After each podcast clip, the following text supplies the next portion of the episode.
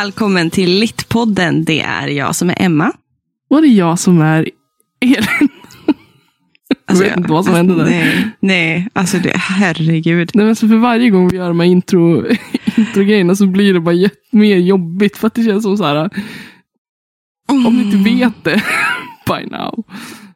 Och grejen är det, vi får ju nya följare på i alla fall Ja. Instagram, typ konstant. Och jag ser att det dyker upp nya, nya följare, nya lyssnare på ställen som jag aldrig hört talas om finns i Sverige. Så vi måste ju typ presentera oss. Ja, jag tycker bara synd om de som har lyssnat på varenda avsnitt och varje avsnitt bara Hej, det är vi som är Jag kan tycka sånt är lite kul. Alltså har man så här, vissa saker som är återkommande i poddar. Alltså vissa avslut som jag bara, jag bara lyssnar till slut. Annars brukar man inte lyssna direkt till slutet. Man hör att de börjar så round up. Då stänger man ju Ja. av. Men vissa är så här, ah, jag gillar det slutet. Det blir som en catchphrase. Så då brukar jag så här, lyssna till slutet bara för att höra det här slutet. Och sen så brukar jag kanske säga det tillsammans med dem. Kanske inte när jag så här, bland, offentligt bland andra människor, men ibland kan jag mima när jag går där på universitetet. Så bara, nu är det slut här. Hörs hej. Tack och hej leverpastej. Ja, det, alltså våra avslutningar, är, det måste vi ju, alltså skärpning. Det Avs- Både introt och avslut tycker jag är så jobbigt. Ja. Det känns Det är som att start och slut, i mitten Ja. går det helt okej. i Start och mitten är det slut. lugnare. Ja. Ja, men Ja, hej men- Elin, hur är det med dig? Eh, jo, men det, det är bra. Jag sitter här i, i en värmefilt, ska jag inte säga, under en värmefilt. Så jag är warm and toasty. Säger, säger man så? Säger man inte warm and cozy? Jag ska toasty. toasty också. Emil kommer in och bara, luktar bränt bröd här inne." Det är bara jag som har tänkt lite grann. Du bara, jag hade dem lite för nära bröna, så att säga. I made some toasts. For you later.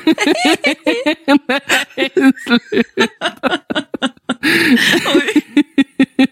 Too far. Lin- Jag letar av. Eh, säga, det är faktiskt alla hjärtans dag imorgon. Ja, nej, men alltså jag mår bra. Jag, jag har haft en jättekul dag på jobbet. Jag har bara typ så här gått och handlat grejer på Ikea. Elins definitionen. Hur kul och bra dag på jobbet. Jag får handla på företagskortet. Ja, jag sa det till personalen. Jag bara, alltså det är ganska trevligt att handla och få betalt samtidigt. That's an issue. Det finns inte en bok som heter typ Shopaholics Confession. The Confessions of a Shopaholic. Jag gick och bara, den ska vara, den ska vara. Elins version. Ja, nej, det, det, var, det var kul. Vad handlar du inför nu då? Eh, vi handlar lite grejer till ett barn och ungdomsrum. Mm. Som vi ska hålla på och fixa till så att det blir lite mysigare.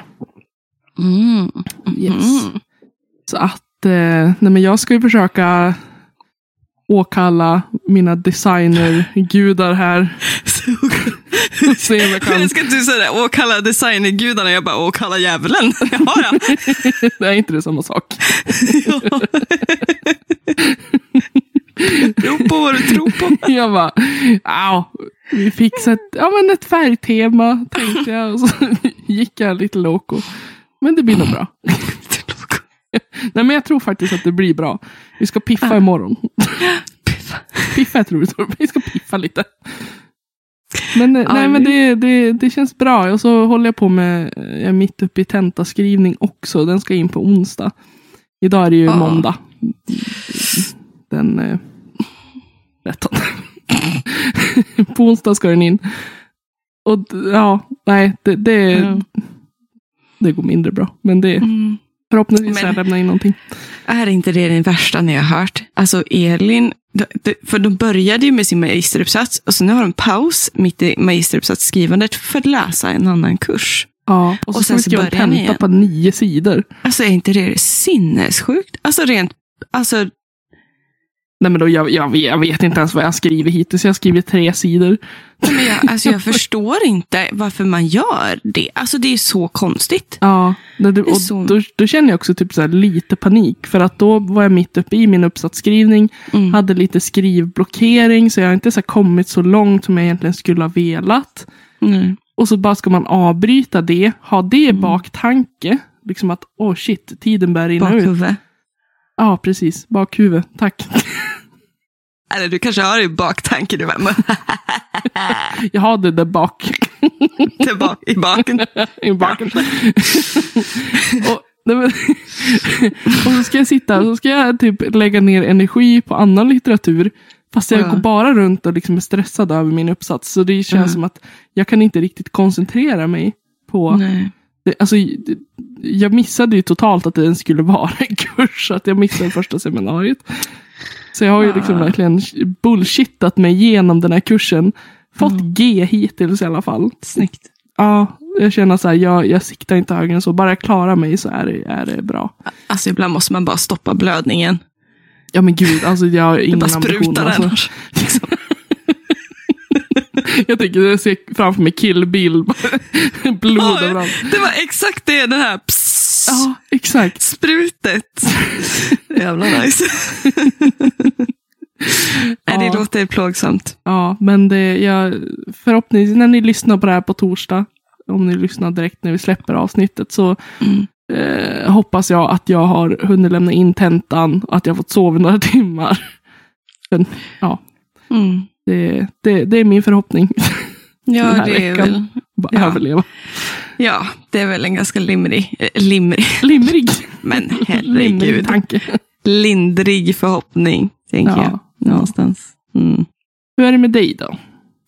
Idag är det fantastiskt bra faktiskt. Eh, jag eh, har verkligen passat på förra veckan och den här helgen med att inte ha några krav på mig själv, vilket också är jätteproblematiskt. Eh, vilket också... Varför det? Det är ju jätteskönt att vara inte ja, behöva- jo, men det är väldigt så här, jag hade möte med min handledare idag. Hon bara... Hörru du Emma. Men min handledare är helt fantastisk. Så, Alltså, hon förstår. Hon förstår. Och jag är verkligen jag är så transparent. Eh, jag bara kan vara nu med vilken problematik jag har. Jag har aldrig riktigt varit det förut. Jag har inte skämts. Så jag har inte sagt när jag hamnat i mina prokrastineringsblockage. Utan jag har mest bara, nej men jag har lite ångest nu. Eller nej men jag är lite trött. Eller jag sover dåligt. Istället för att faktiskt säga som det är. att Varför jag har ångest, varför jag sover dåligt. är för att jag är fast. Liksom. Mm. Jag vet inte, jag är förvirrad. Eh, och det är inte det att jag är dum, utan det är det att min hjärna just nu är i ett visst läge som jag måste hitta någon så här klicka mig ur. Mm. Och, eh, så att jag sa, vi pratade om det idag också på mötet, och jag klickade mig ur det här läget. För Mm. att hon, hon var väldigt, hon är, som du sa, jag ringde dig sen, och hon bara, hon är väldigt duktig på att handleda dig. Ja, jag Ja. tänkte det också, liksom, att det vart väldigt lyckat att hon ändå Ja. kunde pinpointa liksom, vad, vad du behövde. Men exakt vad det var som gjorde så att jag inte tog mig ur prokrastinering. Och det var för att jag var inte dugg egentligen intresserad av den vinkling jag försökte göra kring mitt ämne. Nej. Jag fastnade i att jag kunde inte ens välja material. Jag kunde inte ens välja vilken bok jag ville ha. Vare sig litteraturhistoriskt eller samtida. Liksom. Mm. Och när hon bara, det här, Emma du är inte ett dugg engagerad. Så här brukar det inte vara. Mm. Kan det vara så att du måste tvinga dig själv in i hyperfokuset, det vill säga inte, inte, inte liksom gå ifrån det du egentligen faktiskt vill göra, där ditt hyperfokus är just nu. Gå dit ditt hyperfokus är just nu. Så att eh, vi byt, bytte ämne inom citationstecken. Det, det är fortfarande typ samma ämne, det är bara en annan vinkling på det. Mm. Och jag har liksom jag, varit väldigt glad att vi gjorde det. Att vi bestämde det. För att vi på en gång kom jag på vilket material jag ville använda. Och jag varit jätteengagerad och visste exakt vilken forskning jag ville använda och vilken liksom, teori och sånt jag ville kolla in. Och det var verkligen superbra. Så jag är jätteglad och jättelättad. Jag är nästan lite hög på, på dopaminet som blir när man kommer ur det där. Ja. Så det, det var det riktigt, det, är riktigt nice. Och det är sol ute och jag har lite träningsvärk och jag vet inte varför. och det är liksom bara lite ganska gott. Roligt, ganska roligt också att vi spelar in på kvällen. Men det är bara det är sol ute. Ja, nej, det, det, är kolsvart nu. Ja, exakt. Nej, det men det var var, var det sol. Ja, och hela helgen och, Ja. och så. Eh, det, det känns bra. Jag har en, jag har en bra magkänsla för veckan och, och så. Ja. Mm. Och vi ska ju träffas i veckan också. Mm, det Lite ska vi. snabbt. Ja, det är kanske är därför jag är så, glad. Elin kommer upp. Yes! Min glädje kommer. Jag är ditt sunshine alltså. Mm. Åh, vad cringe. Nej. Ja. Åh, Edin, sluta. Men vadå? Nej, men det, Det är blir, det blir en liten Det är kort det. visit. Vi ska göra någonting kul som vi kanske kan berätta lite mer om sen. Precis. Det blir jätteskoj. Bara att få hänga och ses. Absolut. Så det är Det, jättekul. jag, ska, inte- jag ska inte ljuga. Då. Jag tänkte säga, det var så länge sedan sist. Det var det ju inte. Men, men ja, eh, det, det är ju i och för sig länge för oss Ja. som umgicks nästan varje dag ett tag. Liksom. ja. Precis. Så är det. Jävla Nej, men det- distans. Ja. Mm. Distans, distansförhållanden är trist. Vi vårdar och underhåller dem. We show up anyways. Ja. Imorgon ska vi ha en alla hjärtans dag-middag. Nej, jag skojar bara. alla hjärtans dag-middag över. Zoom. Rynkar med ögonbrynen. Robert står i bakgrunden. Emma, kan du, kan du avsluta? Men nej! Typ middag med Elin. Skulle kunna hända. Vi pratade om döden. Det hade varit romantiskt. Åh gud. Ja. Jag, faktiskt, jag har faktiskt ändå en ganska så här positiv inställning mot alla dag. Annars är jag ju jätte äcklad. över, över det. Alltså jag kan bli så här, vad är det här? Typ eh, blir väldigt frustrerad över alla hjärtans dag. För att jag tycker att det egentligen bara vattnar på den här manliga sjukan av att vilja ha en docka. Förlåt att jag skrattar. Jag bara, det jag satt och tänkte bara, ja alltså det är väldigt kommersiellt också. Ja, ja, det är ja, ja, ja, ja, jo. det också. ju, jag, känner bara så här, ju äldre jag blir desto mer så här, nej, alltså alla hjärtans dag. Behöver man Ja. verkligen en dag Nej. för att visa sin uppskattning? Nej. Alltså jag fattar om man är en romantisk person liksom. Alltså jag är ju inte det. Jag är Jo, men- ganska krass, liksom. Trist känns- på det sättet. Ja, men känns det inte lite grann som att de som verkligen, nu kanske jag generaliserar jättemycket, men de som är så jättehypade på alla hjärtans dag, att det inte alla blir någonting singlar. mer.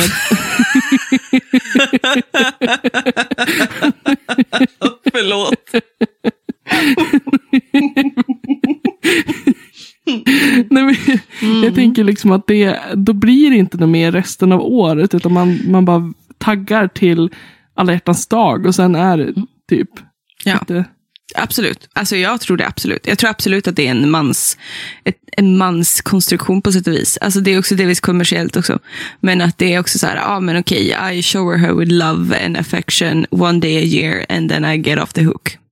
mm, Alltså det är liksom för att då är det socialt accepterat. Typ. Medan jag är typ så här, ja man kan ju göra någonting speciellt. Det är en väldigt bra ursäkt att ha en, liksom, ta, det, ta en väldigt fin dag tillsammans. Fokusera på varandra. Det är en annan grej om det är en överenskommelse i relationen. Men rent generellt, stereotypiskt och utifrån det patriarkala samhället, absolut att jag tror att det är ett sätt för män att bara komma undan.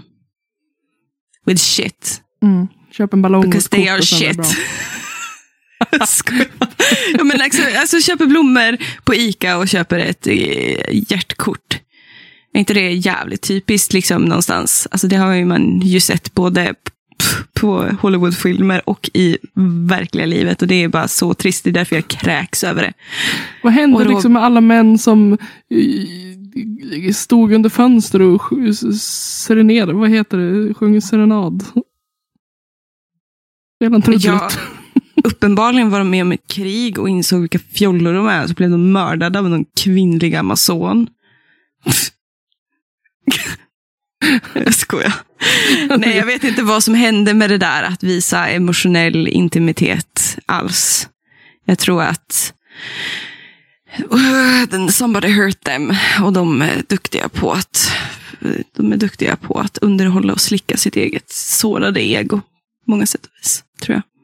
Ja, Alltså jag är så hård mot män nu. Alltså jag är så var- jävla hård. det var alla hjärtans. Alla, alla killar nu som, som lyssnar som har planerat en jättefin alla hjärtans dag Ja, sina och det är ja, det är jättefint. Alltså gör det verkligen om det är genuint och man tänker att det inte är för specifikt för att det är alla hjärtans dag och you're supposed to, utan för att du faktiskt tycker om din partner, älskar din partner och vill cherish a moment together. Men alltså, rent generellt, alltså jag är så less. Jag, alltså vi har ju rally-VM här uppe i Umeå nu och jag ringde Ja. Elin igår och var så jävla förbannad för det kommer massa grejer nu om att det är eh, prostitution där inne på området och det är mindreåriga tjejer då, som råkar illa ut och jag blir så förbannad. Jag, blir, alltså, ni, ni, jag behöver inte säga något mer. Om Nej. man inte blir förbannad över det så är man, alltså, då är det något fel på Ja. dig. Men det är också den här grejen att jag snackade med en eh, tjej som går eh, magisterklassen, alltså ett år innan, under mig. Ja. Blir det. och hon hade varit på en dejt med en snubbe som var så jävla narcissistisk. Och alltså jag kunde inte dölja mitt äckel. Alltså det blir så här, alltså han, och han hade bara, jag blev sårad på en Tinder-dejt tre år sedan. Så du, nu tar jag dagen som det kommer, inga förväntningar, inga krav. Och hon bara, fast no, du har väl några förväntningar? Liksom. Ser du inte fram typ, till sommaren eller något sånt? Eller du ska inte hitta på någonting? Och han bara, nej, jag lever i nuet, jag har inga förväntningar, inga krav. Och jag bara, så där säger, det där säger, det är bara en man som säger det till dig på era första, första dejt, en Tinder-dejt. Det, det är en man som säger, jag har förväntningar på dig, men du får inte ha förväntningar på mig. Mm. That's a deal breaker. Men jag får förväntningar på dig. Det hade varit väldigt intressant att höra vad, vad som hände på den där traumatiska Tinder-dejten. Ja, För det låter vet, lite grann så- som att han blev kidnappad och Så nyfiken. i... Ja, Ja, för jag tänker att beter man sig så, alltså, man så, blir man så emotionellt skadad av det, ja men då är det, då är det ju något övergrepp. Då Mm. måste det vara en övergrepp. Men sen, samtidigt vet jag också att män, som sagt, har väldigt svårt att komma tillbaka när deras stolthet och deras ego har blivit sårat. Säger jag ler lite kaxigt. Nej men alltså det är ju så. ja. Nu är det mans rant. Vi klarade av den Ja. på de första 18 minuterna. där fick ni höra vad vi tyckte lite om alla hjärtans dag. Men det är inte därför vi är här idag. jag vet inte varför vi kom in på det. Men eh, vi fick ju faktiskt en, eh, en fråga faktiskt Mm. på vår Instagram. Mm. Där det var en som ja, men, lite allmänt undrade lite grann om våra uppsatser som vi har skrivit. Ja, liksom Mm. vår forskning och vad vi har Mm. intresserat oss för och så. Det var en kul fråga tycker jag. Man kan, kan ju aldrig få nog att prata om sig själv. Liksom. Hallå, Ni nu text. ska du få lyssna en timme på hur smarta vi är. Skojar. Alltså, Det var sarkasm, du, bara så att ni förstår. du kommer bli besviken. Väldigt besviken, I'm so sorry. Nej, men alltså, vi, har väl, vi har väl pratat om våra uppsatser lite grann. Eh, Mm. För vi, vi poddade ju ändå under eh, uppsatsskrivandet och så. Så att Mm. Ja, vi har ju liksom nämnt våra, vad våra ämnen har varit och Mm. vilka verk vi har använt och så vidare. Men kanske inte har gått all in. Nej. All in.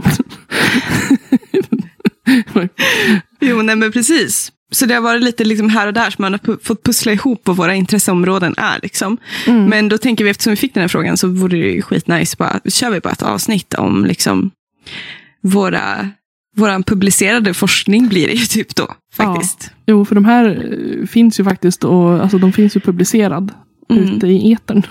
Precis, söker ni på våra namn så Ja, sök inte bara på mitt namn, för att då kommer det komma upp någon författare som heter Emma Granum som har skrivit en bok som heter 17 år skitsnygg. Ja, Emma Granholm skriver väldigt mycket barn och ungdomslitteratur. Ja, Nej, men gå det. in på Diva portal. Mm. Ehm, där finns ju det en massa vetenskapliga uppsatser eh, Precis. publicerade. Och där kan ni söka på våra namn och då kommer de Mm. upp. Men ska vi börja prata om din uppsats kanske? Mm. Mm. Det, alltså, Min uppsats. Du, din uppsats, alltså du får själv säga vad den heter för den är så lång i titeln. Min uppsats, min magisteruppsats heter Life is shit and then we die. Det är humor, nej, humor, igenkänning och döden i Terry Pratchetts Mort och Christopher Moores eh, A Dirty Job. Mm. Är det.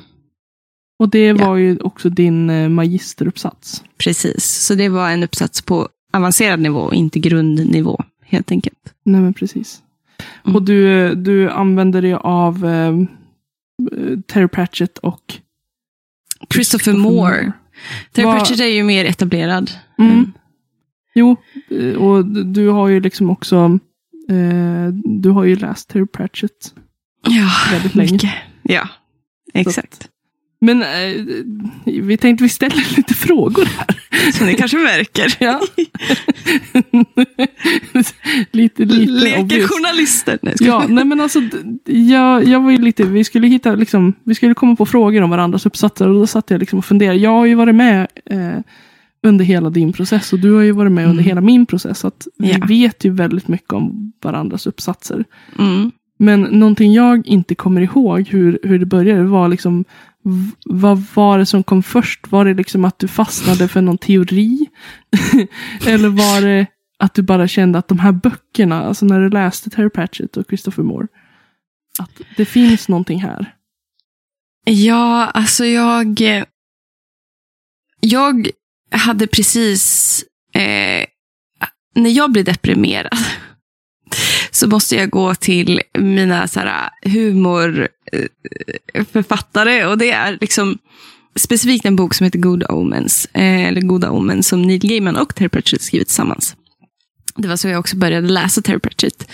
Eh, och jag... Eh, kände att jag behövde hålla på med det. Så jag var väldigt intresserad av liksom, humor rent generellt. Jag var mycket i sådana liksom, satiriska böcker någonstans. Mm. Em, men sen så fick ju också där i, i slutet av februari så kom ju min eh, brorson Elmer Mm. till världen. Eh, han kom väldigt dramatiskt. Eh, det var väldigt jobbigt. Vi trodde, vi trodde att både min svägerska och han skulle, skulle ryka med. Mm. Eh, så där, de låg in på sjukhus ja, länge. Och jag mådde otroligt dåligt för jag, jag kunde inte riktigt hantera liksom, tanken på att ett nytt liv kommer och sen ska den kanske slitas ifrån mig. Mm. Eller på att en av mina närmaste vänner är liksom utsatt för liksom livsfara. Och I samma veva så började jag fastna för Terry Pratchetts böcker om The Reaperman. Mm. Em, som är typ Mort och det, det, det är en samling böcker som handlar specifikt om Reapermans liv och de runt omkring han. Eh, och då fastnade jag för Mort och hur Reaperman behandlar liksom den här frågan med liv och död och att hur människor kommer och går och liksom och hur, hur han blev väldigt mänsklig för mig genom att han också gick och skratta åt någonstans. Mm. Och i samma veva fick jag också nyheterna att, en, att min mos, moster har ganska, ganska svår cancer och vi trodde också hon skulle ryka med precis då. Det vart för mycket död. Mm. Och jag var så ledsen. Jag var, jag vart, det var så jobbigt, alltihop. Det var som press på mig. Mm, Det var så existentiellt. Livet var så existentiellt. Döden var så mycket. Och samtidigt hade jag så press på mig med min magisteruppsats. Ehm, och jag kände typ någonstans att jag bara, hur ska jag någonsin kunna prata med barn och unga om döden om jag inte kan hantera det här? När livet Mm. är skit redan generellt. Och sen så kommer döden på det. Liksom. Så det var nog där jag började. Eh, och det, det, det var lite dumt. Ja, men jag var jättekaxig. Eller jag, jag är så dryg, jag har lite problem med auktoriteter. Eh, så när min, när min programansvarig, eller min kursansvarig frågade mig, men vad, vad är relevant med de här böckerna? Vad är relevant med Terry Pratchett? Så jag bara, de är kul. Det är relevans nog, bitch. Medan det var massa annat. Liksom, och det är också det jag förstod liksom, någonstans. Att hur jag har så svårt, jag har så lätt att prata om liv och död. Men när det kommer till mig själv och prata om känslor på det här sättet och sådana här stora känslor. mörka känslor, så är det plötsligt väldigt svårt att prata om det utan att vara dryg, utan att skämta Mm. om det. Och vad beror det på? Varför är då, varför är då döden i Terry Pratchett och sen också hittade Christopher Moores bok då, A Dirty Job, varför är, varför är de där? Varför ger de här mig tröst?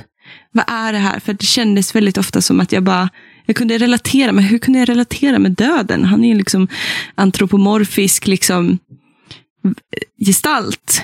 Han, han är ju någonting dött. Han är ju någonting som inte, som, en, som ett väsen, inte ens knappt ett väsen. Han är liksom någonting metafysiskt, bara någonting Mm. omkring oss. Mm. Men hur, hur kan det vara så att jag tycker det är så skönt när döden hoppar av sin likbleka häst och första han gör när han kommer där och det är gotisk stämning och han bara halkar på en fucking isfläck. Varför kändes det så befriande att få fnissa åt det? Liksom? Mm. Varför Jag kändes livet mer hanterbart? Ja, för jag tänker att de flesta av oss är ju ändå rädd för döden. Det kan ju vara så att man, att man är religiös och tror på ett liv efter döden. Och så kan det ju vara så att man inte tror på ett liv efter döden. Mm. Men det är just det här att inte veta hur det känns eller vart man hamnar. Att döden är väldigt läskig. Att det kan vara skönt att få avdramatisera döden lite grann Mm. med hjälp av då humor som var, som var din infallsvinkel. Liksom. Hur, Ja. hur döden och döden och igenkänning och humor. Liksom. Ja.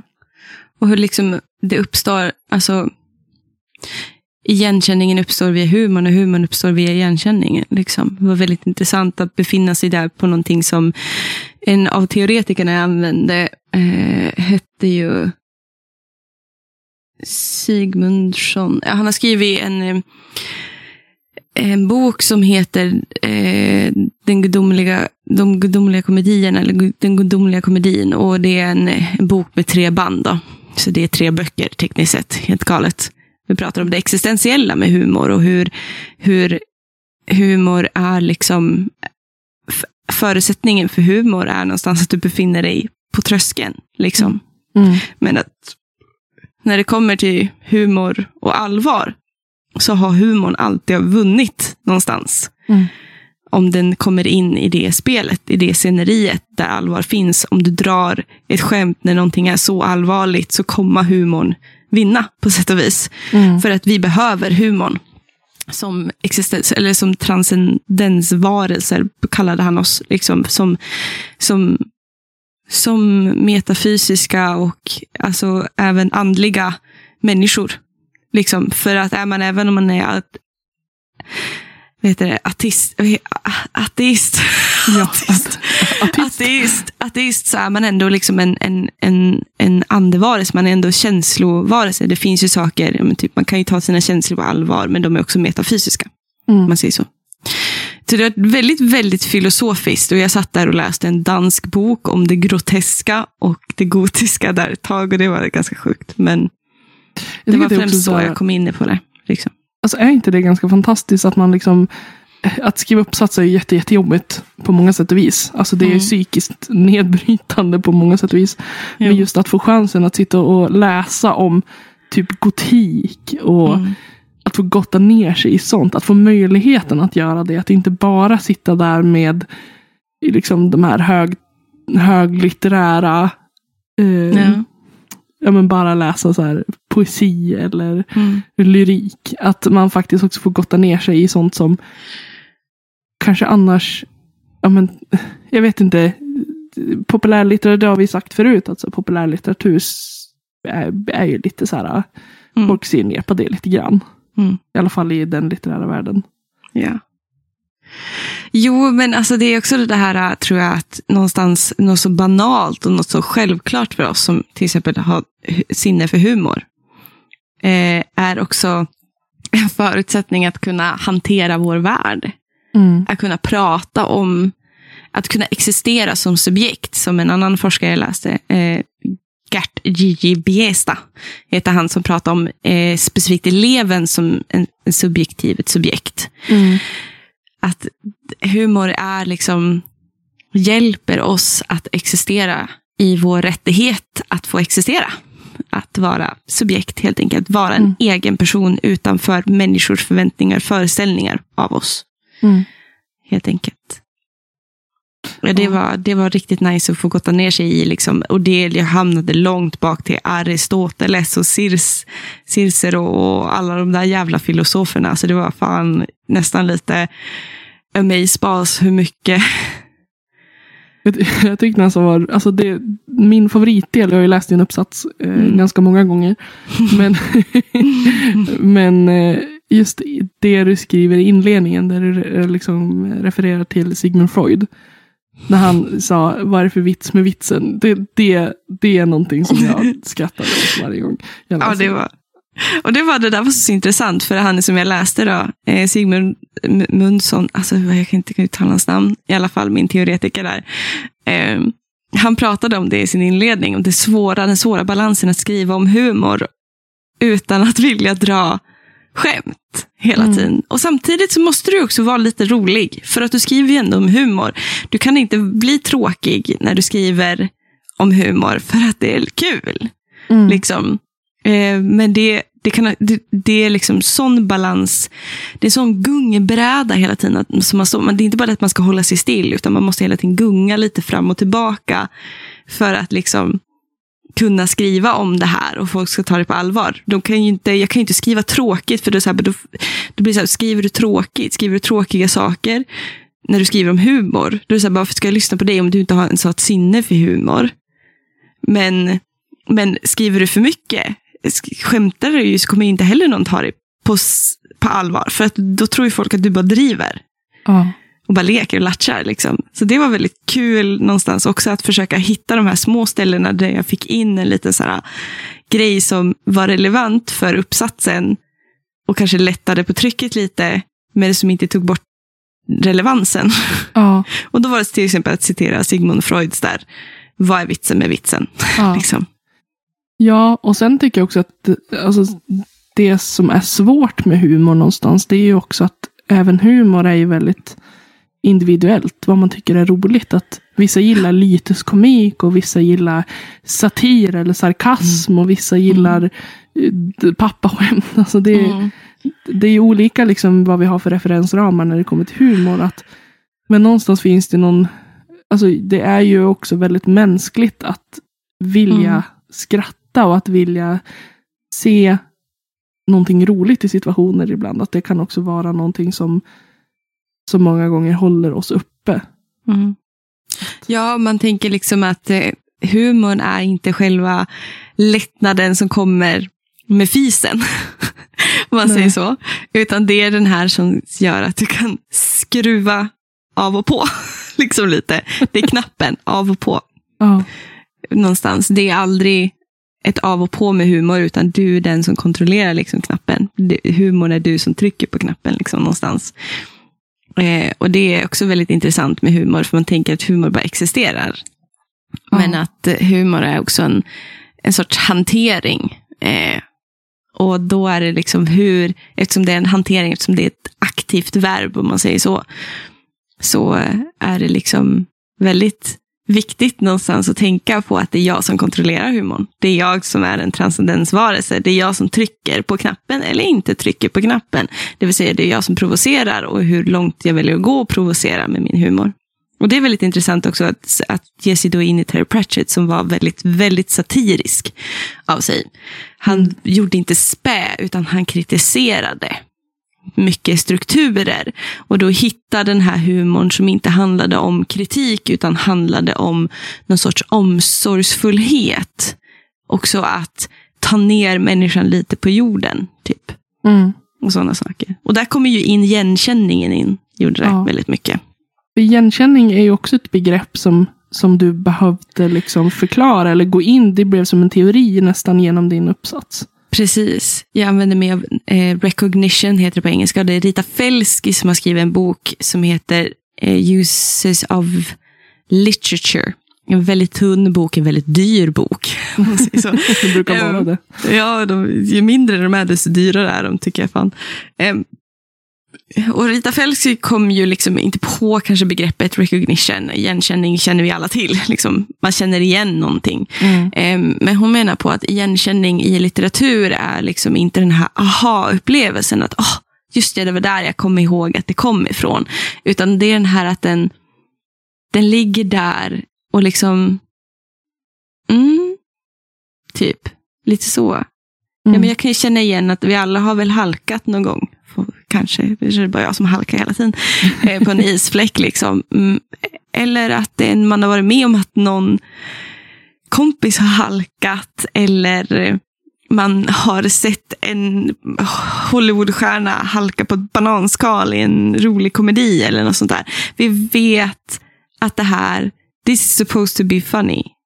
Eh, och där någonstans, this is supposed to be, det här är nästan framme vid aha-upplevelsen. Inte riktigt, det är igenkänning. Mm. Där vi bara accepterar. Någonstans att, jo men, okej. Liksom, men vi vet inte varför vi accepterar det. Det bara är accepterat. Och sen kanske efter ett tag när vi går tillbaka och kanske analyserar varför vi accepterar det här. Ja, men okej, ja, jo, jag accepterar det här för att jag känner igen den här händelsen, eventuellt, på ett eller annat sätt. Det har väldigt mycket kanske med vår empati att göra, om man, går lite, om man drar begreppet längre. Men Mm. jo, igenkänning var väldigt mycket liksom eh, en teoretisk fråga jag ställde mig om när jag läste böckerna och tog ut de citat jag tog ut och sådana saker. Varför tyckte jag det här var roligt? Inte bara det här var roligt eh, för att jag har gjort det själv, utan varför drog jag på smilbanden här? När den här karaktären betedde sig så. I vilket sammanhang, i vilken... Kan vinkla det på alla sätt och ha samma känsla av release och samma känsla av humor. Mm. Och så. Så det är det. Med Men det. alltså, när du väl hade kommit till då din analys och du hade kommit till din sammanfattning och du var klar. Vad Mm. var, vad var liksom det största som du tog med dig från uppsatsen? Vad var liksom det? Om du får nämna liksom någonting som du känner, aha, det här tyckte jag var det här var det största som jag hittade. Eller det, det kommer jag tänka på väldigt länge framöver. Eller ja, du fattar. Det är lite den här uh, livet är vad det är. Nej, men inte det här att du... Jag tror det här, för mig handlade väldigt mycket om det emotionsvetenskapen. Jag begav mig in i emotionsforskning också. Mm. Så jag fick ju lära mig väldigt mycket om vårt kognitiva, eh, våra kognitiva känslor. Eh, och att, att du kom, känslor kommer alltid existera. Och de kommer komma fram på olika sätt. Eh, när vi kanske läser, det vill säga. Och jag förstod vilken impact böckerna och läsningen har haft på mitt liv. Eh, på den nivån att jag har liksom haft en, det är inte det att jag lärde mig känslor genom böcker, jag lärde mig verkligen känslor genom böcker. Mm. Och att någonstans också att ta ansvar för det man inte kan kontrollera. Eh, vilket låter jättemotsägelsefullt, men det var väldigt mycket motsägelse någonstans som man kom fram till. Men att ta ansvar för sitt känsloliv. Att ta ansvar för att för att liksom det är du som bestämmer liksom någonstans. Eh, vilket var väldigt befriande. Det vill säga att jag har rätt att existera som ett subjekt. Har någonting gjort mig ledsen, då har jag rätt att hantera det på hur jag vill hantera det. Ehm, jag har rätt att agera och reagera hur jag vill reagera på saker. För att alla är vi unika. Alla har vi unika bagage. Alla har vi unika sätt att förhålla oss till saker. Till exempel döden och humor har, även om man kan säga att jag förhåller mig till döden genom humor, så har vi olika sätt att använda oss av humorn Mm. till att förhålla sig till döden. Att hantera saker. Och att någonstans så, så, var det väldigt empowering att komma fram till att, att eh, inte låta någon ta ditt skratt ifrån dig. Mm. Att inte låta någon eller någonting få dig att sluta le. För att gör någon det, eller något det, så är det inte bra. Då mår du inte bra kan du inte se det roliga i det som du annars har känt igen som roligt, då är det inte... Det, sen kan du ha haft jättetoxic humor och då är det ju bra om du inte tycker det är kul längre. Liksom. Men på riktigt, en, om någon tar ifrån dig ditt, your sunshine, liksom, då är det, det är inte bra. Utan humor och skratt och glädje är så viktigt. På så många sätt och vis. Hur mörkt det än blir, hur jobbigt det än blir, så är det så viktigt att vårda det. Och att liksom någonstans också förstå att du är du. Och du är viktig. Mm. Vilket låter väldigt existentiellt, men det är ju så mycket mer, det är så många lager man håller på med när man, när man studerar och när man skriver sån här forskning.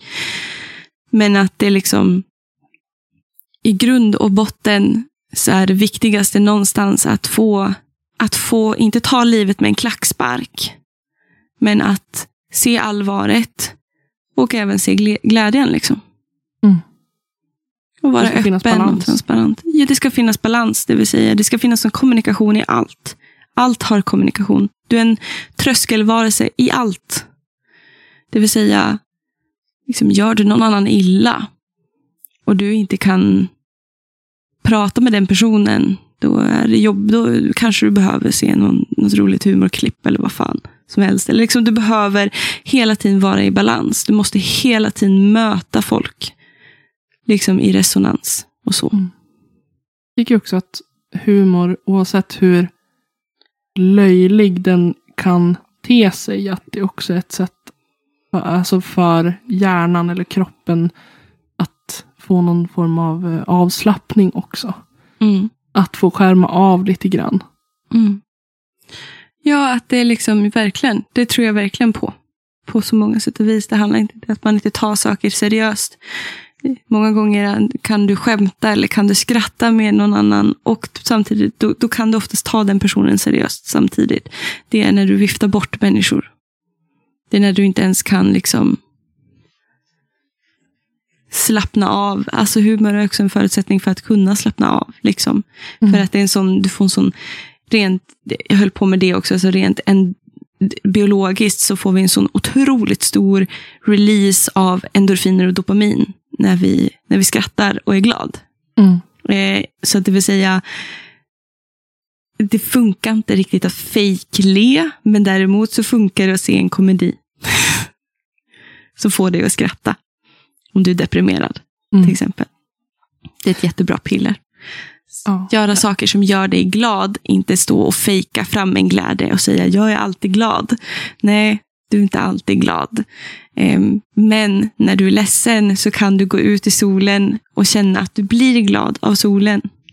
Mm. Och det är bra, det är viktigt. Eller du kanske inte alltid är glad för att du låtsas vara glad. Utan du är glad när du ser ett humorklipp för du får endorfiner och dopamin. Och det är bra för dig att få endorfiner och dopamin när du inte är glad. Det är liksom alltså mycket sådana saker som jag höll på med. Eh, att pyssla ihop det här, vad som är sant och vad som är falskt någonstans också i humor. Mm. Och så vidare. Alltså jag har ju varit sugen på att läsa de här böckerna så som du använder dig av. Men Ja. jag har inte, jag har inte, alltså jag vet inte när jag ska hinna med. Helt Nej. Men det, det är min ambition, att jag, för jag vill verkligen läsa, för jag tycker att Speciellt när man bara, i och med att du också plockar ut citat och sånt där, så känns det som att man har läst lite grann. Men man vill Mm. ha helheten, alltså man vill Mm. förstå sammanhanget. Mm. Vilket blir svårt genom en uppsats. För jag menar, även om du har ett handlingsreferat och att du liksom har Mm. berättat ingående vad det handlar om, så, så missar man ju väldigt mycket däremellan. Mm. Konversationer som inte finns med. Mm. Ja, Det- som också så här, där, där man i redigeringen var tvungen att ta bort vissa delar. Liksom. Så jätte, jag, jag vet till exempel att eh, jag, jag använder ju väldigt olika böcker någonstans för att göra samma poäng hos olika poänger. Eh, vi har delvis i Tara Pratchett's Mort så handlar det om att döden är en personifikation av jobbet. Eh, döden är redan och sen är han inte längre och sen är han igen. Liksom. Mm. Eh, Medan i A Dirty Job så blir, hu- blir huvudkaraktären döden. Han blir en personifikation. Han är fullkomligt mänsklig. Men blir döden, tar på det, axlar det som en yrkesroll. Som att ta på sig en mantel. Han gör det aktivt. Även Mm. om det också beror på mycket, liksom, eh, vad ska man säga, ödesbestämdheter och sådana saker. Ja. Och så vidare. och så vidare. Men också att i Mort så finns det bara en döden. I A Dirty Job fanns det flera. Ja. Och det är också väldigt, väldigt intressant att se hur, hur den västerländska synen på existentialism, eller liksom på något metafysiskt som döden, då, eh, har förändrats från det att Terry Pratchett släppte Mort tills Christopher Moore eh, skrev A Dirty Job. Mm. Väldigt mycket. Det är jätte, jätteintressant för att även Christopher Moore menar ju på att det finns en überdöden till slut också, men det är också någonting som är ett blivande. Ja. Ehm, och sen höll jag på med jättemycket med Heidegger där och försökte skriva som jag också re- reviderade bort sen. Men sen en ganska intressant del i blivande och varandet av döden. Ett blivande och varande, ett subjekt som är ett icke-subjekt. Och Heidegger menar ju på att det här livet på jorden är ett enda varande. Mm. Men i ett varande så finns det också ett blivande. Men vad blir vi? Så att det var väldigt intressant så. Men som sagt, jag redigerade bort det för att jag tyckte det var för abstrakt. Eh, och för en magisteruppsats fanns det inte plats Nej. egentligen. Så det är mycket som försvinner också i redigeringen som kanske hade made more sense. Man hade fått en större helhet av böckerna kanske. Men Ja, och jag tänker också att varje uppsats eh, lär dig också någonting. Man är ju aldrig färdig. Alltså man har ju aldrig, nej, gud nej. man är Det aldrig känns som att jag kan mindre nu. Ja, och jag, ju, när jag läser igenom min egen text så finns det mycket som jag hade velat gå med in i djupare eller eh, Mm. utvecklat eller kanske ändrat på eller liksom tagit en annan approach. Mm. Men det är också hela grejen med att utvecklas också. Att man hela tiden hittar nya, Mm. nya kunskaper.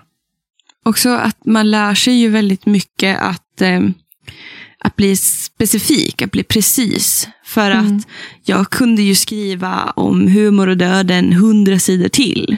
Ha fler, jag hade jättemycket exempel, jag hade jättemycket paralleller att dra, jag hade många olika delar i analysen. Men också veta när man ska sluta.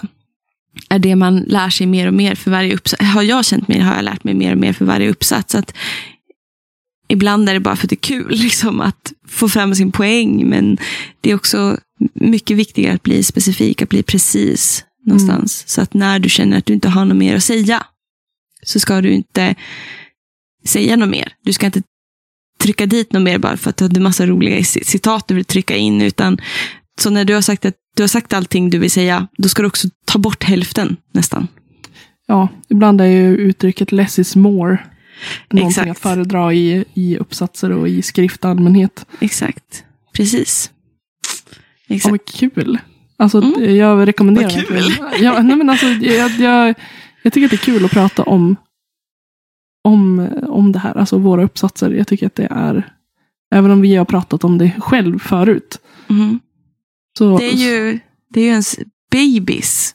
Alltså det, Det är, är ju min, i mitt liv, mitt lilla liv, är ju det min magisteruppsats, min största accomplishment right now, mm, ever. Så att det är ju, det är ju som ett barn. Det är ju, jag är ju författare, en, kanske liksom en, non-fiction writer. Per se, liksom jag kanske inte har släppt en roman, men jag har absolut, jag är absolut en författare. Liksom. ja, och det är väldigt absolut. fint att bli publicerad så. Ja.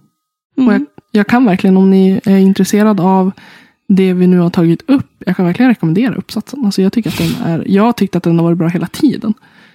Den har varit väldigt intressant. Det är bra. Det är bra. Det jag har fått mycket, så här, många gånger fått höra att jag är duktig på att välja ut svåra frågor som ingen tror att, jag riktigt, att man inte riktigt kan svara på. För de kan verka lite så konstiga. Men att jag ändå lyckas göra det ganska bra. Så Ja. det jag, jag tycker också att nu så här ett år senare så är jag väldigt, väldigt stolt och väldigt nöjd och tycker att jag har gjort ett bra jobb. Ja, det tycker jag att du ska känna. Ja. Och det är jag också över din uppsats. Ehm, Ja, Ja, och jag kommer inte heller ihåg titeln på din. Jag vet att Min- det handlar om barnboken Den arge. Ja, och jag döpte ju då min uppsats till, uh, vänta, jag ska bläddra upp för att det har jag förträngt. Men jag tog ett citat uh, från, direkt från texten. Mm. Så att uh, huvudtiteln är då, det är den arge som kommer upp för pappas rygg. Mm. Och så under rubriken en, en analys av våldet i bilderboken Den arge. Och jag tog det här citatet för att jag tycker att det fångar känslan i Mm. boken. Den här, o, det här fruktansvärda obehaget som finns med i Alltså den jag här tänkte bilderboken. precis be dig citera det citatet, för det är det som sitter i kvar i mitt huvud Ja. så här, ett år senare. Det är liksom, Ja. Jag kommer fortfarande ihåg den arge kommer upp för pappas rygg, för det är en så otroligt också obehaglig känsla. Ja, och det sätter också, det, det sätter fingret på en känsla. Du vet, Mm. när, man, när man känner att någon förändras. Mm. Och att man kan ta på Mm. stämningen, man kan ta på liksom den här förvandlingen. Att man Yes. känner långt innan man ens ser konsekvenserna av den så kan man känna av de här små, små signalerna. Mm. Och att Precis. i då den här boken som i huvudsak då sker genom barnets perspektiv. Det Mm. handlar om ett barn som heter Boy som eh, har en pappa som är våldsam. Ja, precis. Och det, det, det, du skrev då om en bilderbok, en barnbok. Ja. Eh, vilket innebär att du gav dig då in i barn och ungdomslitteratur. Eh, det, man skiljer också på eh, barn och ungdomslitteratur och bilderboken. Så att jag går ännu längre, att du gick in i barnbilderboksforskning. Helt Ja. enkelt. Jo, det är lite annorlunda. Ja, för att här var jag ju samtidigt som jag analyserade texten. Mm. Då var jag ju också tvungen att ta med bilderna. Ja. För att det finns ju grejer som finns i texten. Mm. Och det finns saker i bilden som inte finns representerade i texten. Som är Precis. små, små grejer som man upptäcker. Ja. Det heter något speciellt, det finns ett begrepp tror jag för det där. Det är non wordless books eller något sånt där. Ja, ja det är mycket möjligt. Men eh, det, just i den här boken så tyckte jag att det var väldigt viktigt att också prata väldigt mycket om vad som händer i bilderna. Vilket också var anledningen till att jag eh, jag fick ju be om lov då av, jag tror att det var Daidalos förlag, att få använda bilderna i boken och Mm. lägga in det som ett appendix i min uppsats. Precis. Exakt. Så eh, hela boken i sin helhet finns då i slutet. Så man kan följa med samtidigt som jag då gör mina... Ja, men samtidigt som jag eh, liksom eh, då i min analys refererar till bilderna. Mm. Så, så Mm. kan man gå tillbaka och se vad som händer själv. För det är Mm. väldigt svårt ibland att, att visa Att beskriva bilden liksom, Ja, i någon sorts exakt. parafrasering av den. Liksom. För att skriver jag liksom att pappan blir röd, eh, han växer sig större och förhållandet till mamman som då blir mindre. Så, så Mm. det, det låter ju otäckt men i då kombination med bilden så blir den ju Precis. fruktansvärd. När man Mm. ser vad som händer. Och man ser Boy också liksom, som tittar. Mm. För det är ju det det handlar om att Boys pappa slår ju Boys mamma. Precis. Hon är ju ett eh, offer för. För eh, ja. Domestic abuse. Ja. Precis. Jag försökte hitta det svenska ordet. Ja, misshandel Ja, i hemmet. ja. helt enkelt. Och det, är väldigt, det var väldigt det som också intresserade just att det kom att få se det här genom ett barns ögon. För att boken är ju skriven på det sättet att det är hela tiden det narrativet. Vi får hela tiden se det här, hur Boy uppfattar och hur grafiskt det blir i och med Ja. det. Och också liksom få ta del av hans känslor och hans panik. Att det här, Precis. att, inte, att känna sig hjälplös. Och Och, och den här förvirringen, det kommer jag ihåg att du fick fram så bra. Den här förvirringen, jag älskar ju pappa, men vem är han? ja, och jag menar att också samtidigt som man älskar sin pappa vara väldigt rädd för sin pappa. Mm. Att jag, jag önskar min pappa väl, men jag vill inte att han tar i mig. Pappa Nej, försöker exakt. be om ursäkt. Pappa, nu är pappa den snälla pappan, men jag kan inte lita på honom ändå, för jag vet att den arga pappan finns så nära inpå. Att Mm. det, vad som helst kan få honom att krypa fram. Exakt. Jag, jag fastnade för den här boken. Vi, vi använde den i en bilderbokskurs. Mm. Och redan när jag läste den där så visste jag att jag ville skriva. Jag ville basera min uppsats om den. Mm. Och jag fick rådet liksom att ja, men plocka in liksom fler böcker och jämför. Men jag kände hela tiden att nej. Det var ingenting jag ville göra. Jag ville inte gå emellan. Jag ville lägga Nej. allt mitt fokus på den här handlingen. Vilket var också att eh, jag, jag tycker att jag, att jag gjorde det bra. Mm. Jag tycker att eh, hade jag kunnat gjort det på ett annorlunda sätt, absolut. Det finns många olika sätt man hade kunnat lägga upp, lägga upp det på. Mm.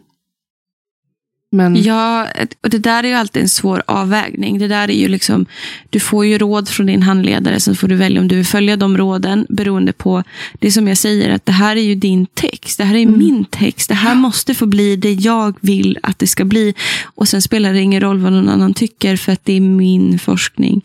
Sen om någon håller med dig, sen om någon inte håller med dig, det spelar ingen roll, för att du har sett någonting ja. Precis. som jag, du måste få ge plats. Liksom. ja, och jag, lyck, liksom, jag hade så pass mycket material i och med att jag då gick från karaktär till karaktär och Mm. analy, analyserade våldet eh, enligt då före, under och efter våldet. Mm. Och att jag då också eh, vände mig till forskning, som fakt alltså vetenskapliga studier om våld i nära relationer för att se hur Mm. nära förhåller sig den här Vilken fiktiva var din- gestaltningen. Nyckelforskare i det då? Eh, jag hade några. Mm. Dels så för jag behövde ju då, i och med att jag skulle göra en bilderboksanalys, då Mm. behövde jag ju också använda mig av litteraturvetenskapliga begrepp. Mm. Eh, bland annat. Och då använde jag mig av, eh, ja, ta fram, eh, jag har ju det uppskrivet här, det är, jag använder ganska många. Men till, Mm. till exempel Lena Kåreland, Ja. en väldigt känd eh, barnboksforskare. Mm. Eh, även, även Maria Nikolajeva Mm. har jag använt i mina tidigare uppsatser också. Så jag var väldigt bekant med henne och hennes Mm. forskning. Mm. Ehm, och sen när det kommer till eh, Ulla, Ulla Redin också är också en väldigt eh, en, en nyckelfigur när det kommer till bilderboksforskning. Mm. Att eh, hennes eh, eh, bok, ja, jag tappar namnet på den. Eh, bilderboken på väg mot en teori heter den. Mm. Den eh, är, väldigt vanlig att man använder när man forskar om bilderböcker. Mm. Men sen då när det kommer till det här våldet så använder jag mig av eh, Carolina Överlien som har skrivit en bok som heter Våld i hemmet, barns strategier. Mm. Och i den här boken så finns det intervjuer med barn som har bevittnat våld och som har blivit utsatta då Mm. för våld av eh, män i familjen. Och det behöver inte bara vara deras egna papper utan det kan ha varit deras mammors partners till exempel. Eller en Mm. farbror, eller en morbror eller farfar och så vidare. Mm. Och det var ju också väldigt jobbigt. Mm. Eh, det här var ju väldigt psykiskt påfrestande på många Ja. sätt. För det blir ju väldigt verkligt. Boy blir ju ett verkligt barn i det här Ja. för mig. Mm. I och med att den är så pass välgestaltad. Ja. Den, den ligger ju väldigt nära barns upplevelser. Alltså hur barn reagerar. Hur Mm. deras... eh, För nu vänder jag liksom mig på att eh, det är mödrar då som blir utsatta för våld i hemmet Mm. av sina män och att barnen också på något sätt blir utsatta. Även om de kanske inte själva då blir utsatta för våld så bevittnar de ju våldet och det i sig är ju, En våldshandling. ja, precis. Precis. Ja, men exakt. Och därför blir det ju så, så jobbigt Ja. när man, när man liksom på något sätt också ehm, Börja fatta att det här händer. Ja, och att det är så vanligt. Jag tror jag skriver det i min inledning. Ehm, för jag liksom ställer mig frågan, så här, vad... För jag liksom hade, jag hade gått in på Akademibokhandeln i Umeå. Mm. Innan jag bestämde mig helt för att jag, nu kör jag bara på den arge. Mm. Eh, så gick jag in eh, på Akademibokhandeln i Umeå för att se om det fanns liksom några andra bilderböcker som skildrar våld. Mm. Och jag hittade ingenting och så var det en ur personalen som kom fram och frågade om jag behövde hjälp. Och då frågade jag att jag sökte efter bilderböcker där det förekommer våld i hemmet. Mm. Ehm, och att det blev tyst en stund. Mm. Och då ställde jag mig frågan, varför är det här så tabubelagt? Mm. För att ehm, jag, då kollade jag upp statistik enligt Brå. Och 2012 var det ungefär två, 200 000 barn i Sverige som upplevde våld i hemmet. Och 5 procent av de här 200 000 barnen upplevde våld ofta. Mm. Så, så är, det var liksom någonting som klickade i mig. Att varför talar vi inte om det här mer? Nej. 200 000 barn i en befolkning, jag vet inte hur många vi är i Sverige nu, men runt 11 miljoner. Mm. Ja, det är väl där som är så, alltså det, man utgår ju alltid ifrån, och det väl det som också var så intressant med Boy när du satt och förklarade liksom mycket för mig. Att det jag tyckte, det jag fastnade för var ju det att jag kunde ändå tycka att författarna genuint kunde skriva fram att pappan älskade Boy. Pappan genuint älskade mamman på sätt och vis. Men och det är väl liksom en, en generell, ett generellt antagande att en förälder kommer alltid älska sitt barn. Ja, No matter what. det, men finns, att- det finns förklaringar till beteenden. Där de är Precis. väldigt noga med liksom att få fram. Mm, Och att det bet- behöver inte betyda att en människa är ond. nej, Men att det inte heller ursäktar deras beteenden. exakt. För att till exempel så, eh, om jag får läsa, får jag läsa upp en, en del? Mm. Eh, för i slutet av den här boken så, det, det handlar, alltså Boy har, har i då sin fantasi, eller om det sker på riktigt, har ju Boy skrivit ett brev.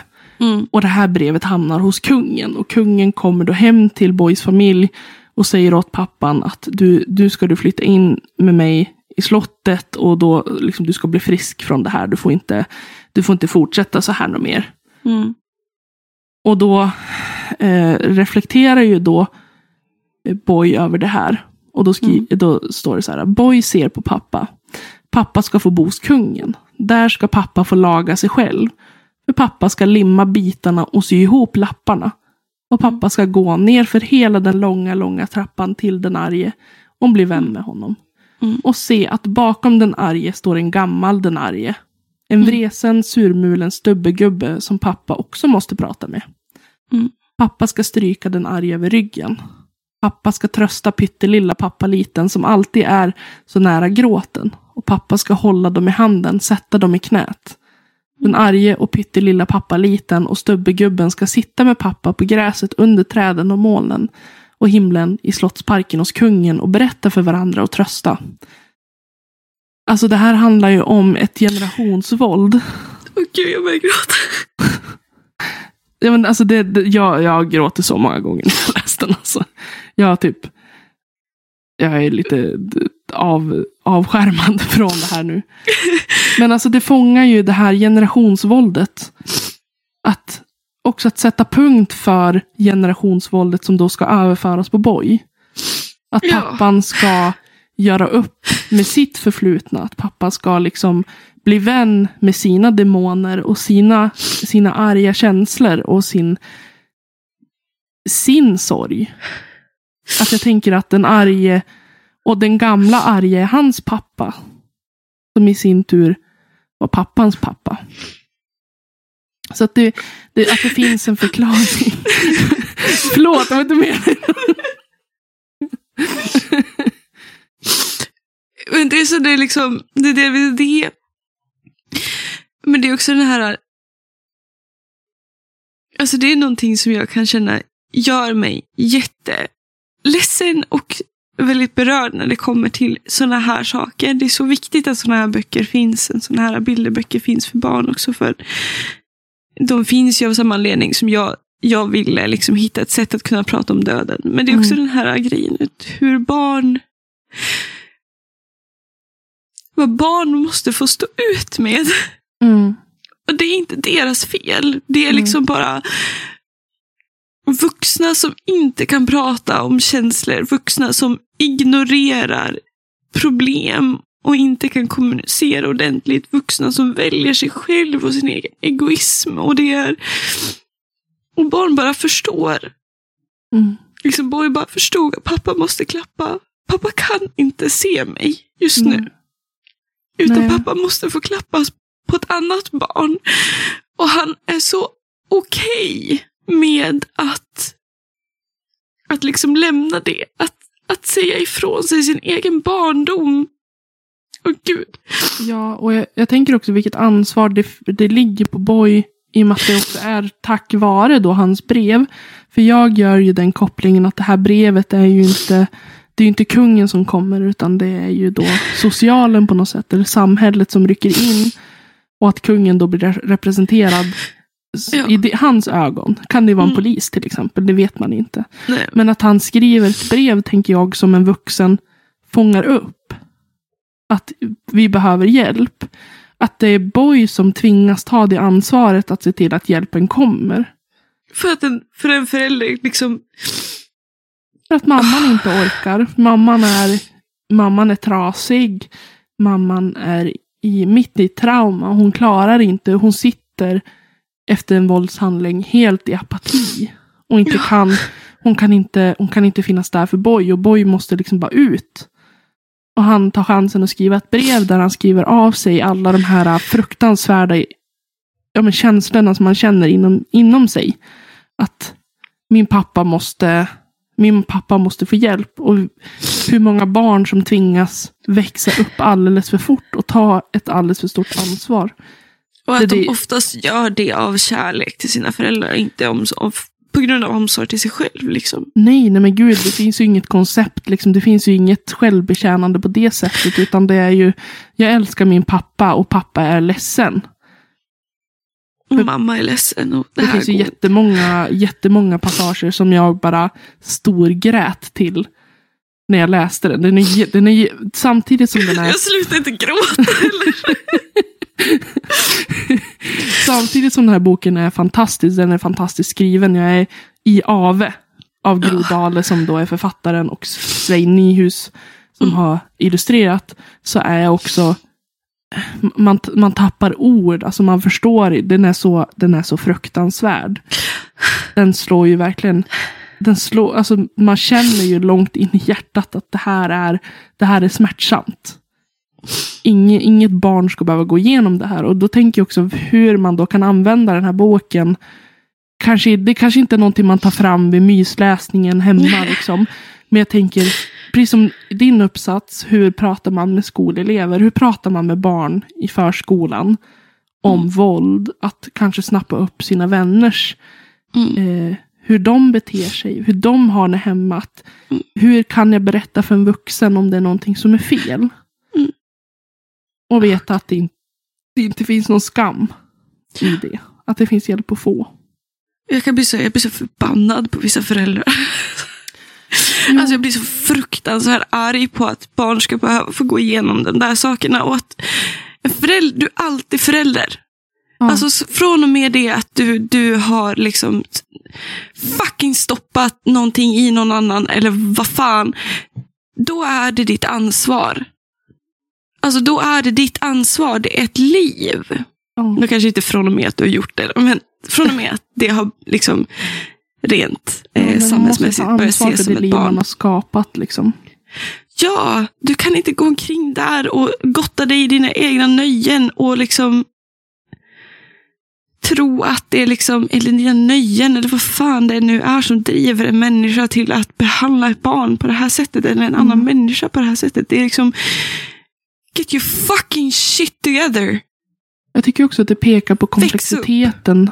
Det, det, in, alltså det är så komplext att vara en människa. Att en förälder också kan vara väldigt trasig. Och absolut, jag håller Ja. med i det du säger. Att så här, ta tag i dina problem för ditt barns skull. Men det är inte heller svart eller vitt när det kommer Nej. till sådana här frågor. För att här, den här pappan på många sätt och vis är ju också ett trasigt barn. I en Jo. vuxen mans kropp. Jo. Och det är inte att jag tycker synd om mannen. Jag tycker att han, han, det han gör är fruktansvärt. Mm. Men jag kan se varför vissa saker händer och att det är Mm. Jag tror att det är väldigt svårt för vissa människor att innan de får den här spegeln uppkörd i ansiktet att se på dig själv. Mm. Se vad du gör med din omgivning. Att det är väldigt svårt för dem att uppmärksamma det själv. Det kommer ju till som, på sätt och vis till samma sorts existentiella conclusion som jag kom till med känsloliv och sådana saker. Mm. Du är först och främst ansvarig. Ja. Du är ytterst ansvarig med hur du hanterar ditt inre. Ja. Och du hanterar det som händer och, sak, och att saker händer. Saker Ja. kommer att hända. Och det är liksom, min psykolog sa det så bra för, för några veckor sedan. Ehm, hon sa liksom att det trauma är en del av livet. Ja. Tror man inte det så då kommer man att lura sig själv. Då är man, då är man helt blindsided och oftast lever man på andra människors lycka. Eller liksom så. Mm. Trauma är en del av livet. Så det kommer att hända. Och det kommer att vara. Det är hur du sen hanterar det. Det är hur du väljer att ta ansvar. Som är avgörande för om Mm. du läker ihop eller och det går att reparera eller inte. Mm. Jag tyckte det var väldigt, väldigt bra. Det är bara så sorgligt någonstans när en förälder har blivit så traumatiserad. Att det är liksom, barnet måste ge sig själv sin, sin rätt. Ja. För att kunna reparera någon annans skada. Liksom. Ja. Okej, jag börjar nästan gråta igen. Alltså, va? Men alltså barn, barn är en känslig nöt för mig. Ja. Det är liksom, Jag tror också att det är kanske är därför vi också är så intresserade av det vi är intresserade av. Att Mm. vi båda, v- våra bådas hjärtan kappar lite extra för barn och deras utsatthet och deras rättigheter. Eh, Det är därför jag har forskat om barn och ungdomslitteratur. Det är därför du är så engagerad i eh, det Allt som du är engagerad i. Ja, och skolan Precis. och utbildning sådär. ja. Men eh, jag tänker att eh, ja, nu har vi pratat lite grann om våra uppsatser och det blev ju eh, mycket längre och det varit väldigt känslosamt. Men det är helt okej. Alltså det, det är jobbiga saker. Och det är ju så här också att vi väljer ju de här äh, ämnena. Och vi väljer oftast de här, äh, den här litteraturen. Vi, bara, vi tar inte bara en bok i hyllan. Utan Nej. som sagt, det är någonting vi har sett. Någonting som får oss engagerade. Någonting, någonting vi tror att om vi kan nysta upp det här. Mm. Så kanske det får världen att make a little bit more sense. Mm. Om så bara för oss eller bara för någon annan. Men vi vill ju förhoppningsvis tillföra någonting. Det är därför vi gör det här. Vi har ju den ambitionen att vilja tillföra någonting till forskningen. Eller till, till samhället någonstans Exakt. i det stora hela. Mm. Så det är därför vi också blir så berörda liksom, Ja. av de här valen. Eftersom jag och Elin är väldigt lika hur vi tänker kring forskning och hur vi tänker kring vad vi vill hålla på med, vad vi ser i böcker, så blir våra, vi blir berörda ja, på rätt sätt om man säger så. Ja. sagt. exakt. Men eh, det här har varit väldigt, det varit väldigt trevligt att sitta och prata om våra uppsatser. Det var väldigt eh, roligt att komma in i eh, det för mig som jag hade liksom lagt åt sidan. Jag, jag har inte tittat i min uppsats sen jag lämnade in den förra året. Nej. Nej, precis. Man måste ju ta som en paus efter. Ja, Så att det är väldigt kul att få gå tillbaka med en positiv eh, känsla i kroppen. För man har en ganska negativ känsla i kroppen efter man är klar. ja jo, men då är man så, då är man så kräkles att det finns Ja, men verkligen, verkligen. Det är verkligen väldigt intressant. Och så. Och det är också kul, det ska bli kul för mig i alla fall. Att, att få se skillnaden. Ja. Sen efter jag är klar med min master och du får se skillnad mellan grundnivå och avancerad nivå. Ja. Det, var, det var en stor boom för mig verkligen att se skillnad på min kandidatexamen och min magister. Ja. Verkligen. Ehm, så. Men som sagt, vi har gått över tiden ganska mycket. Ja. Men det, det är också mycket att prata om. Som, sagt, som jag sa under min, att det är så många lager man går in i ja, men gud. många verkligen. gånger. ehm, när man håller på med forskning. Så att ofta så hinner man bara skrapa på ytan. Och sen hin- när man pratar om det så hinner man bara skrapa på ytan. Det faktiskt uppsatsen handlar om. Liksom. Ja, vi hade kunnat prata flera timmar till, men jag känner att det kanske räcker där. Exakt. Det tror jag också det gör. Så Mm. Det var det med det. Ehm, Ett lite mer teoretiskt avsnitt. Vi pratar lite mer om forskning och om forskning av böcker och sådana saker. Men Mm. det är bara kul att få gå in i det och inte bara leka runt. Det vart ingen romance-avsnitt till det här, men det kommer. hörni, det kommer. Emma har köpt en romance-bok Ja, helt frivilligt. Så att säga. att, Två, två till och med. Men eh, Då säger vi tack och hej för den här gången och så hoppas vi att ni får en fortsatt trevlig dag och så hörs vi snart igen. Ja, jag gör det. Ha det bra, Ha det bra. Hej då!